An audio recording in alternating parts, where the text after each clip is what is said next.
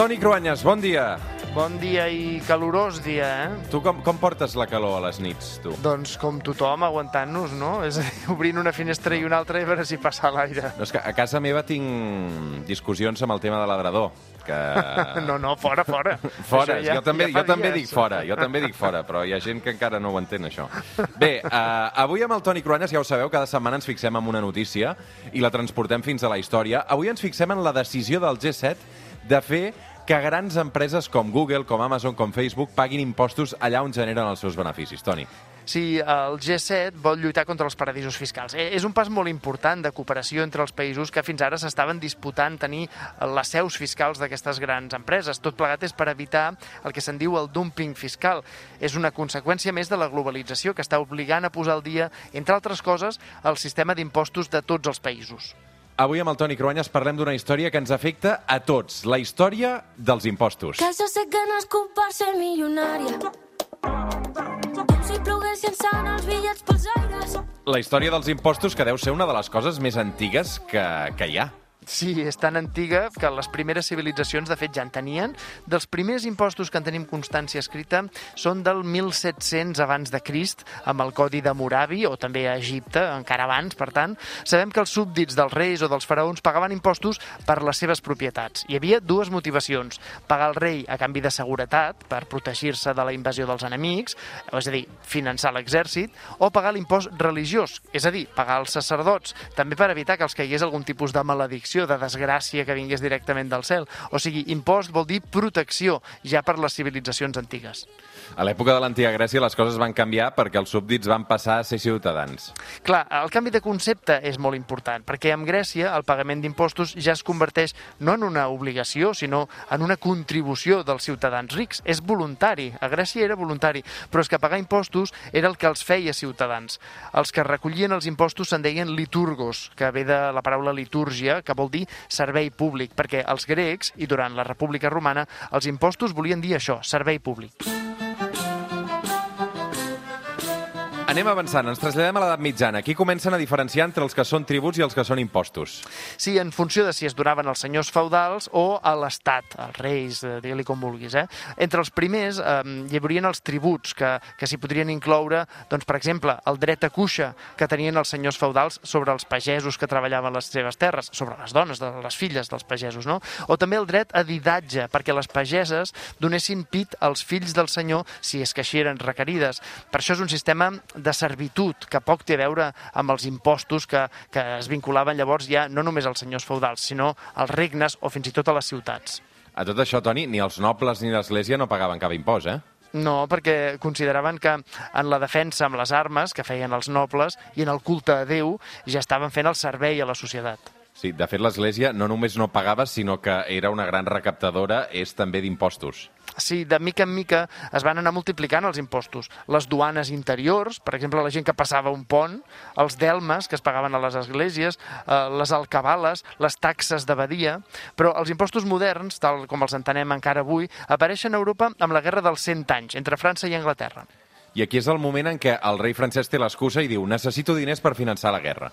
Sí, això amb el temps es va sofisticant. Més concretament es converteix en l'impost sobre la renda, que fixa per primer cop el govern d'Anglaterra durant la guerra per defensar-se dels atacs de Napoleó. Estem parlant de l'any 1799. És un impost que després de les guerres i de la derrota de Napoleó torna a desaparèixer el 1816.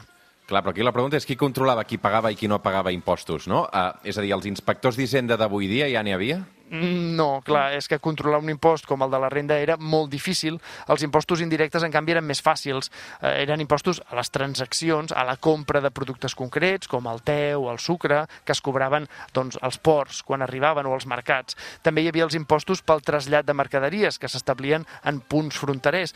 Per això, ja l'impost sobre la renda no torna a aparèixer fins que té la finalitat actual plenament definida, que és la redistribució de la riquesa, o almenys una certa redistribució. Si és evident que la patata, de la En algun moment o altre, aquí sempre acaba apareixent la trinca. Eh, deien que l'home ve de la patata i qui també ve de la patata és l'impost sobre la renda modern.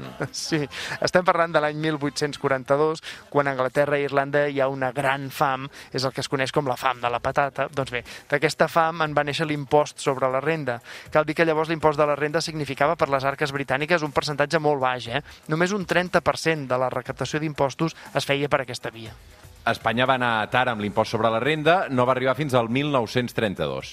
Espanya va tard, però relativament, eh, només 40 o 50 anys respecte a la resta d'Europa, i és que els arguments de redistribució necessiten dues condicions. Una, capacitat recaptatòria i de control. Per això fa falta un estat que estigui, doncs, que sigui fort, que estigui ben organitzat. No era el cas d'Espanya. I la segona condició, cal poder oferir serveis a canvi d'aquests impostos. I aquí ja estem en el que seria l'embrió de l'estat del benestar. El franquisme va abolir l'impost sobre la renda. Franco creu que és un impost d'aires comunistes i, per tant, desapareix. A Espanya, amb el sistema fosc de privilegis i de favors del franquisme, els impostos de l'Estat s'arcaïtzen o, en alguns casos, desapareixen. I llavors ja no és fins als anys 70, en plena transició, que tornen a aparèixer en aquesta forma. Escolta. Esta es España. Tierra de hombres con los que usted tiene un compromiso de sinceridad. Es la hora de su declaración por el impuesto sobre la renta. El momento de contribuir en su justa medida a la obra de España. Déu nhi uh, o sigui, el, el, van haver de convèncer la gent perquè pagués impostos, no? Va costar molt la famosa frase Hacienda somos todos per lluitar contra el frau fiscal, sobretot en els anys de Felipe González del govern espanyol, segur que, que molts la recorden. Podríem recordar ara campanyes com, contra famosos que feien frau fiscal, com Lola Flores, per exemple.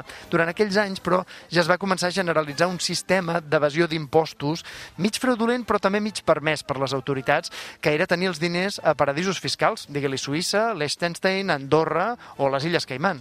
Clar, els impostos funcionen quan tothom els paga i sobretot quan el joc de pagar i rebre té lloc dins d'una sola autoritat, dins d'un sol estat. Clar, i aquest és el problema actual. En un món global no hi ha una autoritat mundial que controli els impostos. Així, molts rics o grans empreses treballen en base al que en diríem enginyeria financera, perquè no es pot qualificar sempre de frau, en alguns casos és legal, i es creen societats en altres països on no es treballa, però s'hi tributa.